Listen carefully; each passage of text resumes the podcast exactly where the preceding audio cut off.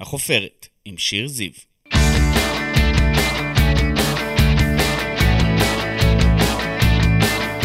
ברוכים הבאים לחופרת, אני שיר זיו, עיתונאית ישראל היום, אשת תקשורת וסופרת, וכאן בפודקאסט שלי אנחנו חופרים מדי שבוע באולפן ישראל היום עם אדם, בעל שם, מישהי או מישהו שכולכם מכירים מתעשיית הבידור, מעולם הספורט, מהתיאטרון או מהרשתות החברתיות. אז קדימה, בואו נצא לדרך.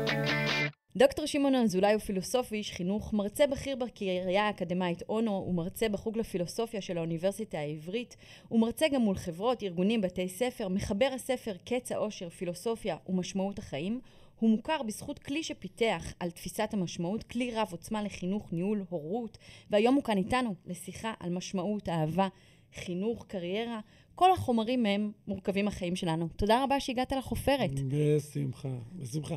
זה מצחיק, כי החופרת, זה הרי מה מאשימים תמיד פילוסופים? שהם חופרים. אז מהבחינה הזאת אנחנו באותו צד. הגעת למקום הנכון. אז בוא ישר אה, לארטקורד. מה נותן לנו משמעות בחיים? טוב, אז ביי. הארדקור זה נכנס בום, 300 לא, אין קמ"ש. בעיה להגיע, אבל עוד לפני זה צריך כאילו כמה דברים לומר. משמעות היא לא פריבילגיה. זו, נקודה מאוד קריטית מבחינתי. אבל אה, אדם שבאמת עובד. למחייתו יום-יום במפעל. לא יכול להרשות לעצמו לא ריטריט ולא פסק זמן להפוגה, ולהתחיל לחשוב, לנתח, להעמיק באילו הם חיי, מה הם, מה הם המרכיבים שלהם. אז יש פה איזה משהו פריבילגי. נכון, נכון, נכון. וזה בדיוק הנקודה שאני רוצה לשבור. הפרספקטיבה הזאת, שאני יכול להבין אותה, שמסתכלת על משמעות, או שאלת המשמעות, בלי רגע, יש מודלים של משמעות, תכף נדבר על סוגים מסוימים, אבל עוד לפני כן, עצם הקטגוריה הזאת, שנתפסת כפריבילגיה, נתפסת ככזה פריבילגיה, שאנשים בני 40, מאבדים עניין בחיים, נוסעים ל... אני יודע מה, נוסעים להודו, שם מלכת המדבר, חושבים על פוליאמורה, אני לא יודע, כל אחד ואז יש לו. זה קשקוש. כי? זה לא נכון. משמעות היא צורך קיומי. אומרת, אם יש דבר שמעניין אותי, ואחת הסיבות שאני פה, אה, זה מהפכת המשמעות, במובן של לבוא ולומר, משמעות היא לא פריבילגיה. מהי מהפכת המשמעות? אני מעוניין שזאת תהיה קטגוריית היסוד בכל קהילה. איך עושים את זה? בכל... זה... אז א', אני מפיץ את השפה ואת המושג, אנחנו עוד מעט נדבר על זה. אבל ב', אני עושה את מה שאני עושה, ויש עוד אנשים שעושים, והיום אני יכול לומר, לומר לך שלמשל בעולם האקדמי, שבמשך שנים, 30 שנה כמעט, 40 שנה, נשלט על ידי קטגוריית העושר הדבילית. אושר באלף. כן, כן, כן, בעין, בעין זה מצוין, אין לי בעיה עם זה. אבל אנחנו מדברים על אושר באלף, כן, שהוא כן. החתירה למטרה, אנחנו רוצים להיות מאושרים. אה, אה, היום כבר לא מדברים עליו. כי? היום מבינים את הנזק שלו. ואין לנו זמן פה, פודקאסט מוגבל, אבל הנזק שלו הוא עצום. אז רק, עוד לפני רק הנזק, הרצון שלי הוא קודם כל להחליף את הקטגוריות. במקום אושר משמעות. לדבר, כן, אם את מדברת עם הילדים שלך משמעות, עם העובדים שלך משמעות, עם החברים שלך משמעות, עם עצמך משמעות, את מתנהלת אחרת בעולם. וה- והנקודה הקריטית, רק לסיים את הנקודה הזאת, שמשמעות היא לא פריבילגיה, היא צורך קיומי שמתחיל בגיל אפס, ואת יודעת מתי הוא נגמר? כשמתים? כשהוא נגמר, אנחנו נגמרים. אדם מתחיל לכבות, וזו אחת הבעיות הקשות ביותר בגיל. שלישי ורביעי. זה לא רק עניין של דעיכת הגוף, זה עניין של זריקת האדם מעולם המשמעות. כשהוא מרגיש שהוא חסר משמעות, וזה... בדיוק.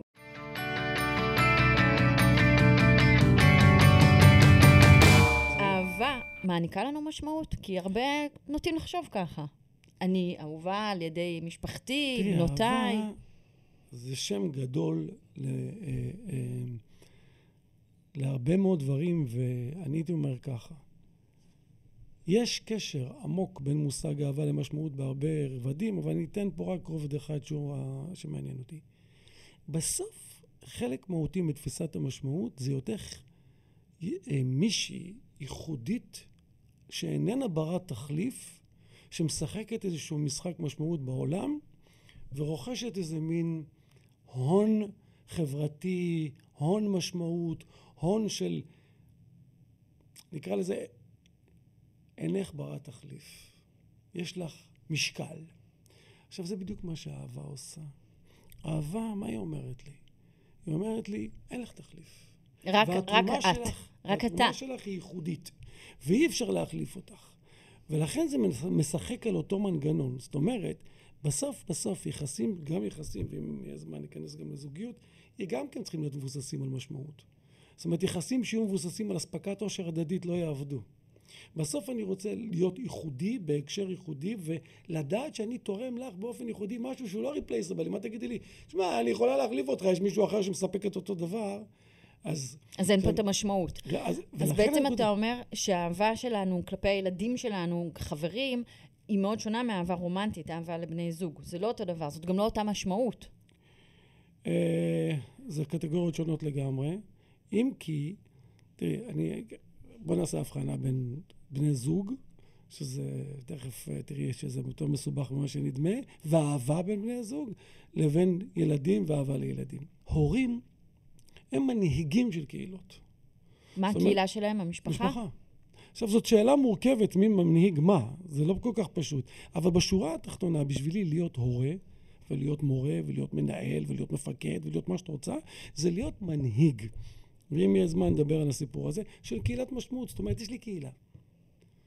עכשיו, השאלה איך אני מעצב אותה, ואי אפשר להגיד, תראה, אני לא מחליט, אני לא מחליטה, אני ניטרלית, אני מנהלת את הבית, אה, כל או מה שאנחנו רואים במציאות הישראלית הרבה, שהילדים מנהלים את הבתים, את המשפחות, נכון, את בתי? הספר, הם מנהלים כי נתנו להם את בגלל- הכוח. הם מנהלים בגלל משבר מנהיגות אדיר. חולשת ההורים, עליונות. חולשת המורים. נכון. ובגלל חולשת המורים הייתי אומר פחות, זה יותר ההורים גורמים למורים את החולשה הזאת. ובסופו של דבר, אה, היעדר הבנה שבסופו של דבר הורים, התפקיד שלהם זה ליצור עולם של משמעות, קהילת משמעות, חיים של משמעות, לוגיקה של משמעות לאותם הילדים, וזה לא סימטרי. ולכן האהבה אליהם נמצאת בליגה אחרת, במקום אחר, בחשיבה אחרת, היא גם מאוד כפויה טובה, צריך נכון. להבין. חד מי צדדי. בדיוק, מי שלא מבין את זה, שלא ייכנס להיות הורה, ולא ייכנס להיות מנהל, ולא ייכנס להיות מורה. יש פה איזו לוגיקה של כפיות טובה מובנית. וממושכת. של... זה לא נגמר אף פעם. אוקיי, מעודד, תודה. כולנו, כולנו יודעים כן. את זה. מה. תחשבי, את מתייחסת להורים שלך. נכון, נכון. גם עם כל. האהבה. לא, אני לא רוצה לבאס לך, אבל עם כל האהבה והרצון הטוב. גורם לי חרטה. אבל ברור שאת לא יכולה להתייחס בעשירית שבעשירית, כן? ממה שהם התייחסו אליך, וזה בסדר גמור. לעומת זאת, בזוגיות זה סיפור אחר לגמרי, כי בזוגיות יש פה איזה... זאת קהילה שאין לה מנהיג. זוג. הזוג הם המנהיגים של הדבר הזה. הסיפור, זה גם אמורה להיות קהילת משמעות, אבל צורת ההתפתחות שלה היא שונה לגמרי. אני שמעתי הגדרה שאהבה זו חרדת נטישה פלוס משיכה. אתה מתחבר להגדרה הזו? חס ושלום, זה נורא מוזיל את המושג אהבה. אני אגיד לך למה. אני לא מומחה לאהבה, אבל אני אגיד משהו עקרוני. בתפיסת היסוד שלי, בני אדם כפרטים הם כלום. זאת אומרת, מטאפיזית הם לא שווים כלום. אני לא אומר את זה כדי לזלזל. אני אומר את זה כי זה האדם. אנחנו נבנים, נוצרים, אה, מקבלים מובן כשאנחנו נפגשים עם האחר.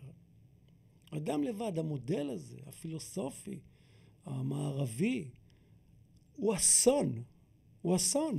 ה- העובדה שהפכו אותנו לאלילים, זאת האדם לא. גם את לא צריכה אף אחד. אומר לך, תראי שיר, את לא צריכה אף אחד, קחי אפליקציה. כן, יש לך הכל. תנהלי את החיים. בולשיט. שום דבר. את תתפרקי מהר מאוד, החיים שלך יהיו חסרי מובן. המשמעות שלנו מתחילה בדיאלוג. מתחילה במפגש, מתחילה עם האחר. כל המודל שאדם יכול להיות שלם בפני עצמו, לשבת על איזה הר, או לחשוב באינסטגרם עם עצמו, בעצם... אה, האינסטגרם זו דוגמה טיפה שונה, כי האינס- האינסטגרם זה כבר קהילה. הרי כל הסיפור של הרשתות החברתיות זה בגלל שאנחנו לא יכולים לבד. זאת בעיטה מטורפת במודל הטיפשי שאנשים יכולים להיות אבל לבד. יש שם משהו מתעתע, אתה כאילו עם אנשים, וכאילו friends, חברים, אבל הם לא חברים שלך. חלק כן, ויש- חלק לא. יש- תכף יש שם ניכנס המון לזה אם נרצה. בדידות יש לנו בדבר הזה. רוצים כנראה 15 שעות. כן. אבל, אבל אה, אה, הדבר המהותי הוא, זה שבסוף אנחנו, ההשלמה שלי, הגילוי שלי, מתרחש מולך. עם האחר, אני עם. אחרים. וזה הקטע העמוק גם של זוגיות. זוגיות זה צורה של התגלות. זו צורה של תקשורת, זו צורה של מקום ביטוי, זו צורה של משמעות, זו צורה, זו צורה של תרומה או נתינה או הענקה של חותם מיוחד למישהו. זה המון המון המון המון אלמנטים אז כאלה. למה זה כל כך קשה? אתה רואה מה קורה בעולם המערבי, אני לא יודעת על עולמות אחרים, אתה רואה שאנשים לא מצליחים להחזיק זוגיות יציבה לאורך הרבה זמן. משהו יש שם פה, יש פה, נשבר. נכון. אה, מה שנשבר קודם כל זה המודל, אני אומר במשפט אחד, אני מבחינתי, בתפיסת היסוד שלי, יש לנו שלושה משברים גדולים. משבר מנהיגות, משבר בדידות ומשבר משמעות. שזה משברים ענקיים, מז'וריים, שכל כולם נובעים מדבר אחד. מהלוגיקה שהאדם הוא יצור שיודע להיות לבד, יכול לחיות לבד, והוא לא צריך אף אחד, וכל האנשים סביבו רק משרתים את הלוגיקה הזאת. עכשיו, זה גם מוביל בדיוק למושג העושר ודברים מן הסוג הזה, שגורמים לפירוק של זוגיות. כי אם אני, הלוגיקה שלי מולך, כבת זוג שלי, זה שאני צריך שתספקי לי עושר 24 שעות, אין לך סיכוי לעשות את זה. מה, את יכולה לעשות את זה שעה. גם כן, במקרה... ופתאום יהיה משברים, ופתאום יהיו קשיים, ופתאום יהיו... ולכן, גם הרעיון של אתה אמור להיות לבד, אתה סובייקט פרטי, וכל מיני מילים פילוסופיות שאני לא... אמר חופרים, אבל לא נגזים. כן? גם, גם הדבר הזה, שהיום אנחנו בועטים בו. צריך להבין, הדור הצעיר בועט במושג הפרטיות והאינדיבידואליות, לא מעניין אותו. גם הדבר הזה, וגם הציפייה לאושר בלתי פוסק, וגם עלייה בתוחלת החיים, כן? עלייה בתוחלת החיים, מובילים לזה שאין מראש סיכוי להיכנס לזוגיות. לגרוסמן יש דבר נפלא. סיפור... דוד ב... גרוסמן, דוד, סופר, כן, כן, כן. הסופר הנהדר. יש לו ספר נפלא, שאני מניח שהמאזינים מכירים, סוס אחד נכנס לבר, באמת, ספר נפלא. יש לו קטע אחד שהוא מספר שם, משל סימבולי, שנקרא מבחן אסרוך. כן, זה משל סימבולי לפופולריות של ילדים. הוא אומר ככה, קבוצת ילדים חוזרת מבית הספר. ילד אחד עוצר לשרוך את הנעל. אם הוא פופולרי, כולם נעמדים אוטומטית ומחכים לו, ואפילו לא יודעים למה. אם לא, הם ממשיכים. ובספר אומר, יכול להיות שהוא לא ישיג אותם לעולם. ואני תמיד אומר, חבר הכי טוב, וגם זוגיות, זאת ההבטחה הסימבולית שיש אחד שיעצור.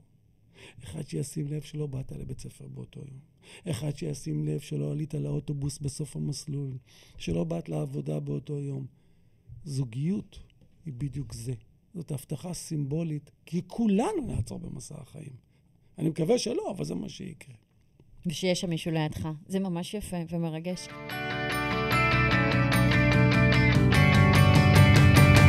נחזור להתחלה, כיום אתה בן 52, נשוי ואב לשני ילדים, נולדת וגדלת בשכונת מצוקה בחדרה. נכון. איך היה לגדול שם? תראי, כשאת גדלה, זה כיף. זאת אומרת, יש את המצוקות הטבעיות שיש בשכונת מצוקה ועוני, או בבית עני, אבל החוויה עצמה היא חוויה אדירה, כן? היא לא משהו שאני מסתכל עליו במין...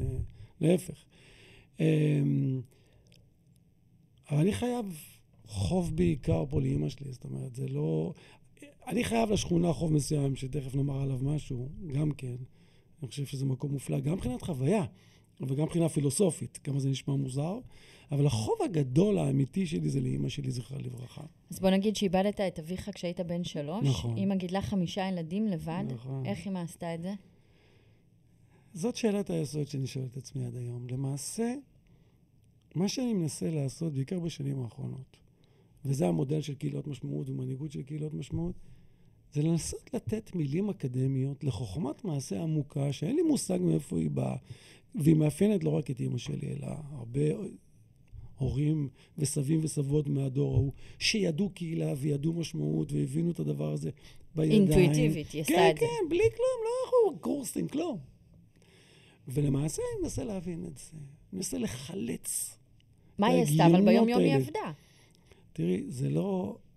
השאלה איך היא הצליחה לבנות את המשפחה כקהילה ואיך היא הצליחה לבנות אותה כאלה שישגשגו אה, אה, גם באותה תקופה וילמדו וכולי וכולי וגם אחר כך.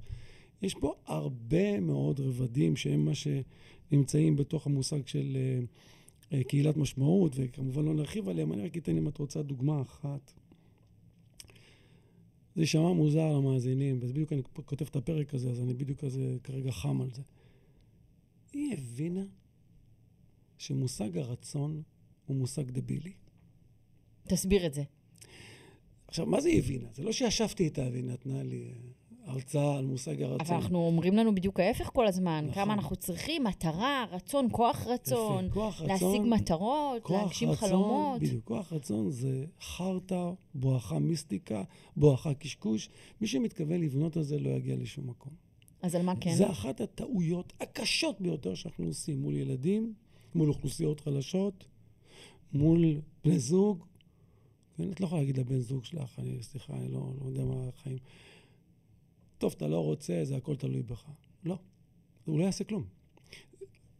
כל העומק, או לא כל, אבל אספקטים הרציניים ביותר בעומק של חיים קהילתיים, ובין אם זה זוגיות, בין אם זה חינוך, בין אם זה משפחה וכן הלאה, זה בנייה של מערכת של פיגומים ועוגנים וסדירויות, ומה שאני מכנה החזקת רצון, כי הרצון שלך עתיד להישבר 3,500 פעם בדקה. רצון זה משאב מתכלה. אז מה עושים? כוח מה רצון צ... זה משאב מתכלה, שהכוח שלו זה בדיוק רבע שעה. שנייה, אתה עושה לי פה mind blowing, אז מה כן צריך?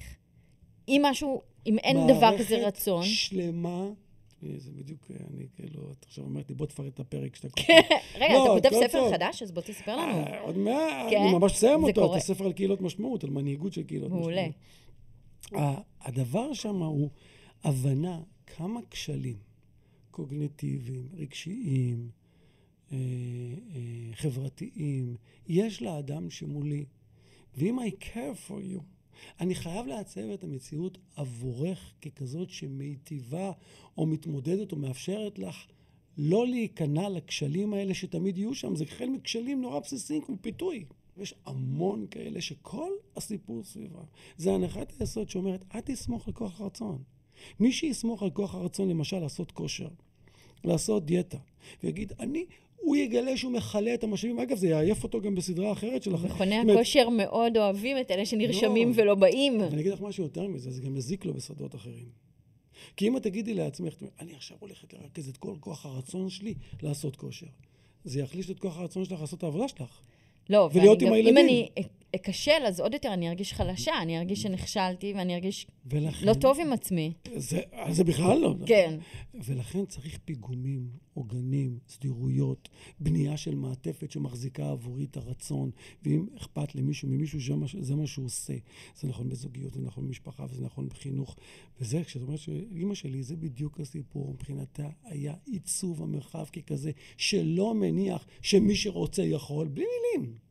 אלא אנחנו זקוקים למעטפת שלמה של פיגומים שתעזור להתמודד מול הרצון שלנו, אבל שעתיד להתקל באינסוף קשיים וכשלים. עם החיים, שבעצם עתידה להתקל בחיים, ביום-יום, בכל האתגרים שיש מולנו. תראה, זה אפילו, זה, דיברנו קודם על בדידות, אפילו הרצון לחיות יכול להיעלם, יכול להיכשל, יכול להיחלש. ולחברת בריאה, זוגיות בריאה, קהילה בריאה, מבינה את זה, ומציבה פיגומים ועוגנים גם לרצון לחיות. שמי, בישראל מתאבדים 500 איש בשנה. וכמעט לא מדברים על זה. נכון. כי? יש מיסקונספשן מוטעה ולא נכון שהתאבדות, אם מדברים עליה, היא מגדילה התאבדות, זה לא נכון. אז מה צריך לעשות דווקא? לאוורר את זה? צריך לדבר נכון. ברור, לא צריך לדבר סתם, אבל צריך לדבר נכון, כי אם לא נדבר נכון, לא נהיה לנו מספיק כלים לבחון או לראות את הסימנים, להתמודד עם סיטואציות שאנחנו מסוגלים לראות אותן, כן? והתוצאה היא שנתחיל מ-500 מתאבדים בשנה, 7,000 מנסים להתאבד בשנה. זה מספרים מאוד גדולים. וזה הרבה פעמים קשור, מעבר לדיבור ומעבר לסימנים, זה קשור לפיגומים.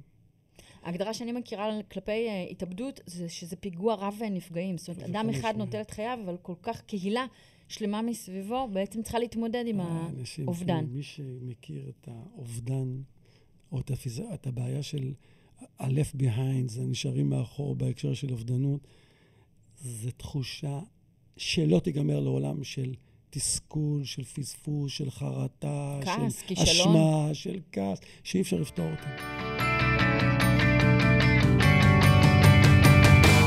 דיברנו על הורות ודיברנו על אימהות. כתבת לאחרונה בפוסט, עולם ללא ילודה הוא עולם שומם. נכון. פוסט שמאוד הכעיס וקומם את הציבור. אולי פגעת שם באיזושהי נקודה רגישה? אני חושב ש... תראי, חשוב לי לומר שאני לא... אין לי עניין לפגוע באף אחד. אני חושב ש...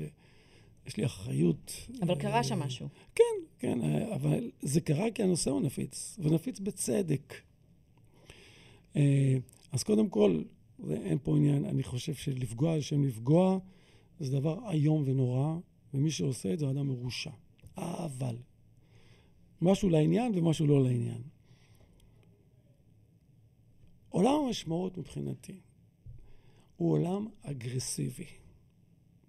הוא עולם שהתכונות החשובות פה, אחת התכונות הכי חשובות בו זה חוסן. עולם המשמעות זה עולם מסוכן, בגלל זה אנשים לא נכנסים אליו כל כך מהר. אותו דבר באהבה, זה גם סוג של סכנה. ולכן, קודם כל, חשוב לי הלוגיקה של חוסן, שאנשים יוכלו לשחק את משחק המשמעות, כי זה יפגע להם בחיים בכלל. וגם אם לא נעים לך לשמוע משהו, זה רע לך. עזבי אותי. אני לא מדבר רק על זה, על זה שחופש ביטוי חשוב, ועולם הרעיונות הוא עולם פתוח ופורה.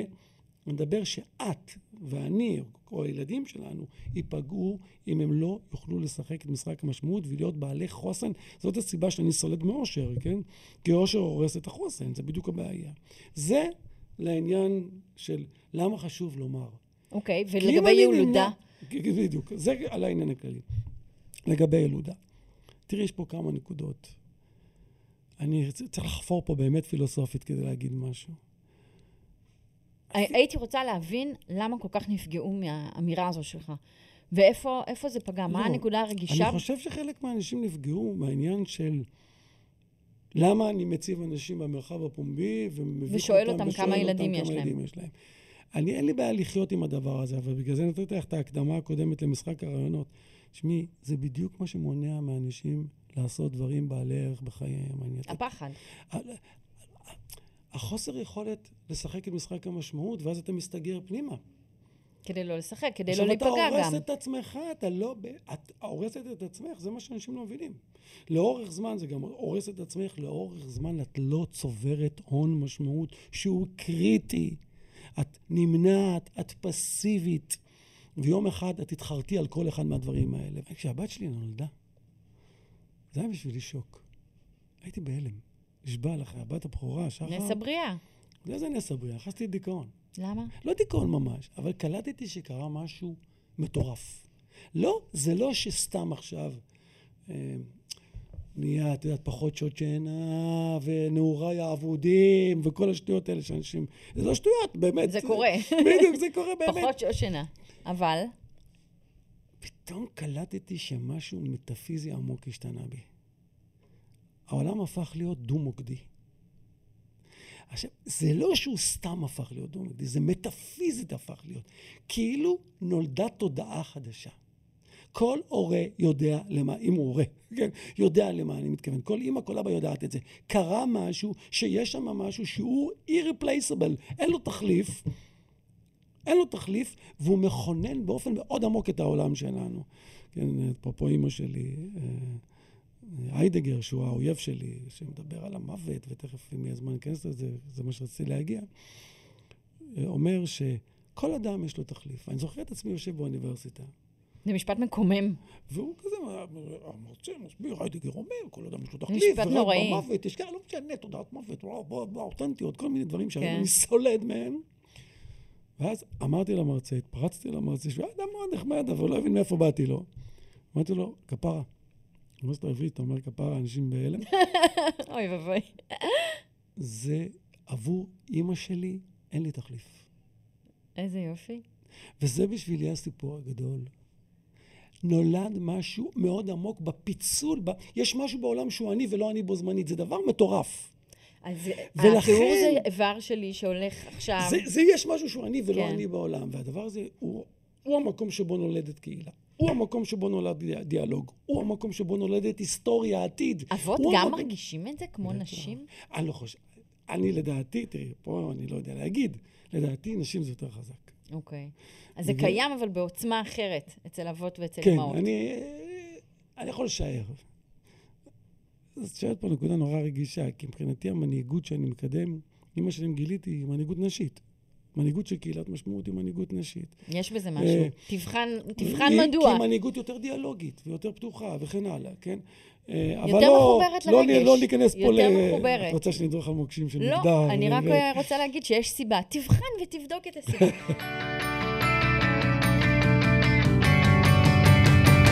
כתבת בעצם החודש, כשאני מביט היום בשוק העבודה, אני מתמלא התרגשות, נכון. התפטרות המונית, שחלקה נכון. הגדול הוא בעיטה בריצוי, ימים של מרד שוקה ומרד משמעות. למה התכוונת? נכון, אני, אני אסביר. תראי, אחד המושגים, אני עובד על שני מושגים. זאת אומרת, יש את שפת המשמעות, שהיא נועדה לעשות מיני דברים, ויש את השני תכליות הפרקטיות. זה שחקן משמעות, שזה בסוף המטרה שלי לחנך אדם להיות שחקן משמעות, גם גם במובן הקיומי, גם במובן הכלכלי, גם במובן התרבותי, גם במובן החברתי, וקהילת משמעות. נשים את זה רגע בצד. עכשיו צריך להגיד את האמת. שוק העבודה, וגם מערכת החינוך, במשך שנים הייתה לא הוגנת. לא, היה לא הוגן, ומערכת החינוך הייתה גם לא שוויונית. היא חינכה בגדול. עשרה אחוז מבוגריה, חמישה אחוז להיות שחקני משמעות, והשאר להיות עבדי משמעות וצרכני משמעות. היא עשתה את זה בין אם היא התכוונה לזה או לא התכוונה לזה, לדעתי התכוונה לזה, אבל לא ניכנס לזה. ו... כי... למה היא עשתה את זה? כי לא היה צריך. תראי, בעולם שבו יש מפעל, ובמפעל יש 100 עובדים, ויש מנהל אחד, מהנדס אחד, אני לא צריך שהעובדים האלה יהיו שחקני משמעות. לא צריך שיהיו עם תוכן ייחודי, ולא צריך שיהיו אקטיביים, ולא צריך... לא צריך. זה של פעם, והיום? המודל הזה נשבר. מהפכת המידע, שהיא הדבר הכי נפלא לאדמות. באה לכל בני אדם ואמרה להם, רבותיי, נגמר הסיפור הזה. אם עד היום סיפור המשמעות, הון המשמעות, משחק המשמעות היה שמור ליחידים, הוא נפתח עכשיו לכולם. השאלה אם הוכשרתם לזה. השאלה אם יש לכם את התכונות עבור זה. השאלה אם יש לכם את הפלטפורמות הנכונות בשביל זה. בשביל זה אני מחנך, מלמד, עושה וכן הלאה. ואז פתאום אנשים קלטו את זה. קלטו שבן אדם לא מוכן לעבוד בעבודה חסרת משמעות עשר שעות ביום. למה? זה לא רק שהוא עובד עבודה חסרת משמעות, לפעמים אני יכול לחיות בזה שהתוכן, למרות שגם לזה אני מתנגד, הוא חסר משמעות ולא ביטוי ייחודי שלי. רק בסוגריים, עבודה חסרת משמעות זה עבודה שאם תחליפי את מי שעושה אותה, התוכן יישאר אותו דבר. אוקיי. Okay. אם היה מולי עכשיו מישהי אחרת, שעושה את הפודקאסט, הפודקאסט היה נראה אחרת לגמרי. אין ספק. כי האישיות שלך, מה לעשות? נכון. וזה מה שהופך את זה למשחק אחר לגמרי מאשר עבודה כמו להעביר מוצרים. אבל אז הדור הצעיר שמתחיל עבודה, הצעיר... הוא חושב מהר מאוד, הוא הבין, הוא הבין, הוא מיצה, הוא יודע כבר. אנשים באמת רוצים להחליף עבודה מהר מאוד, כי הם הבינו מהר מאוד, הם משתעממים מהר מאוד. יש פה איזה משהו לא, שקורה? יש פה שני דברים. כן. אז א', יש פה איזה שמסרבים לעשות עבודה חסרת משמעות, ובצדק. ובצדק, אגב, יש לזה גם משמעות כלכליות. זה דבר אחד. אבל הדבר השני, הם הרבה פעמים נמצאים במרחב שהוא לא קהילת משמעות. את יודעת, אנחנו יודעים לשאת רגעים חסרי משמעות, עבודה חסרת משמעות, כשאנחנו קהילת משמעות. לפעמים היחסים בעבודה הם הסיפור הגדול. החבר'ה בעבודה. וגם את זה פירקו. גם את זה פירקו. באה הקורונה ופירקה את זה. עבודה מהבית. אז מה אתה משאיר אותי? מה אתה רוצה שאני אעשה? אז אתה ולכן... קצת מתנגד לעבודה מהבית באיזשהו מקום. וואו, מתנגד מעבודה מהבית. מאוד, נחרץ. ולימודים מהבית, ואם היה תלוי בי, הייתי שורף את השרתים של זום. לא, את מבינה למה אני מתכוון, שלא יחשבו פה, אני מעודד אלימות. הדבר הזה הוא אסון. האמת היא שאנחנו מתכתבים זה עם זה כל הזמן, באלף שיטות וצורות, ושואלים זה את זה המון, המון שאלות, שאין שום סיכוי שהם יעברו במרחב הטכנולוגי. המרחב הטכנולוגי הוא נחמד רק לאקטיביות. את צריכה בפועל לשאול, את צריכה בפועל להגיד, את צריכה בפועל להגיד בזום משהו. אבל יש ילדים שלא התקלחו יומיים ובאו לבית ספר, או שבוע. או יש ילד שיושב בהפסקה עצוב. או יש ילד שלך שיושב בחדר ובוכה חרישית ואף אחד לא שומע, חס ושלום. הזום והמרחב הווירטואלי אדיש לדבר הזה, ולא מאפשר לי לשמוע את השאלות הכי רציניות שהוא שואל אותי. שלא נשאלו. אני אשאל אותך שאלה לסיכום, יש לנו עוד הרבה מאוד על מה לחפור, זה אפילו מרגיש לי שלא התחלנו, אבל מה עושה אדם שפשוט צריך להתפרנס? והוא אומר לך בשיחה איתך, תקשיב, אה, דוקטור אזולאי, לא מעניינת אותי משמעות, מעניין אותי להביא כסף הביתה, אוכל על השולחן, תעזוב אותי ממשמעות, תן לי משרה עכשיו שאני יכול להתחיל לעבוד מחר בבוקר. טוב. כסף, אני צריך פרנסה. אני אגיד את זה שני דברים. קודם כל, למי שצריך פרנסה, ברגע נתון, לרגע מסוים, בהווה עכשיו, תמיד אני אומר, יש דברים שאם זה למחר בבוקר, לך תגנוב. זאת אומרת, לא אני אומר לך תגנוב, אבל כאילו ברור שאל תבלבל את המוח עם משמעות ומושגים מן הסוג הזה. השאלה איך בונים את החיים. מישהו אומר לי, המחר בבוקר, אז ברור, מה, אני אגיד לו, תרעב, זה הרי... אבל השאלה היא, איך את בונה את החיים שלך? החיים זה מסע, זה הכי בנאלי בעולם להגיד את המשפט הזה. ומה ה-Waze שלך? כן? עכשיו, למה, למה בקטע הזה אני לא כל כך אוהב את מישהו אומר לי, אני זה וזה וזה? יש פה ש... בשני טעמים. א', זוכרת שאמרתי לך שמשמעות היא לא פריבילגיה? כן, התחלנו ככה. היא צורך קיומי. אני הרבה פעמים, אחת הדמויות שאני, הוא לא אשם, אבל הוא קצת אשם, שקצת בלבל את האנשים, זה אדם כמו מאסלו. מדרג, מדרג הצרכים של מאסלו. זה דבר מטופש ביותר. אז רק נגיד שבראשו מימוש עצמי, המקום שכולם ולמטה שואפים אליו אה, צרכים אה, בסיסיים, לספק לנו קורת גג, אוכל, בריאות אה, וכן ביטחון. מאסלו טעה. הפירמידה הפוכה. רגע, רגע, אתה עושה לי פה עכשיו קשה, רגע, שנייה, אני צריכה רגע עם עצמי. מה זאת אומרת? איך הוא טעה? מאסלו דיבר שטויות במרכאות, כן? אני אהיה עדין. זה לא עובד ככה, זה הפוך. קודם יש לך משמעות. זה בדיוק הבר ה- הניגוד שלו זה ויקטור פרנקל, אם האדם מחפש משמעות, ניטשה וכן הלאה. כן? זה, זה לא עובד ככה. זה בדיוק מה שמוביל לריקנות ו- ותחושה של איבוד משמעות בגיל מסוים. כי אנשים אומרים, תראה, אני אבנה קומה ראשונה, קומה שנייה, קומה... בסוף אני, אין שם כלום. זה עובד הפוך. קודם יש לי איזה יסוד של משמעות, איזה תכלית, איזה חלום, איזה מרחב מסוים שנותן להיות משמעותי. ואז אין לי בעיה, אין לי הדברים. בעיה ל- לשבור אלף ואחת דברים. זה ציר אחד של ההוא שאומר לך, אני צריך לעבוד. וציר שני, תראי, העולם של מהפכת המידע הוא מופלא. כן, הוא מופלא, מופלא בכל מובן. יש בו המון סכנות, יש בו המון בעיות, יש בו הכל. אבל מה שהוא מאפשר לנו, מבחינת עולם המשמעות, זה בפעם הראשונה בהיסטוריה יש פלטפורמות משמעות לכולם. מה שפעם היה שמור לאדם וחצי, כן? אה, היום אני יכול לעשות פודקאסט גם בלי ישראל היום, את יודעת, כן? לא שאני מזלזל, אחלה פודקאסט לא, הכל ואחלה זה. אבל... אה, והטענה שלי היא כזאת, המטבע האמיתי היום זה משמעות.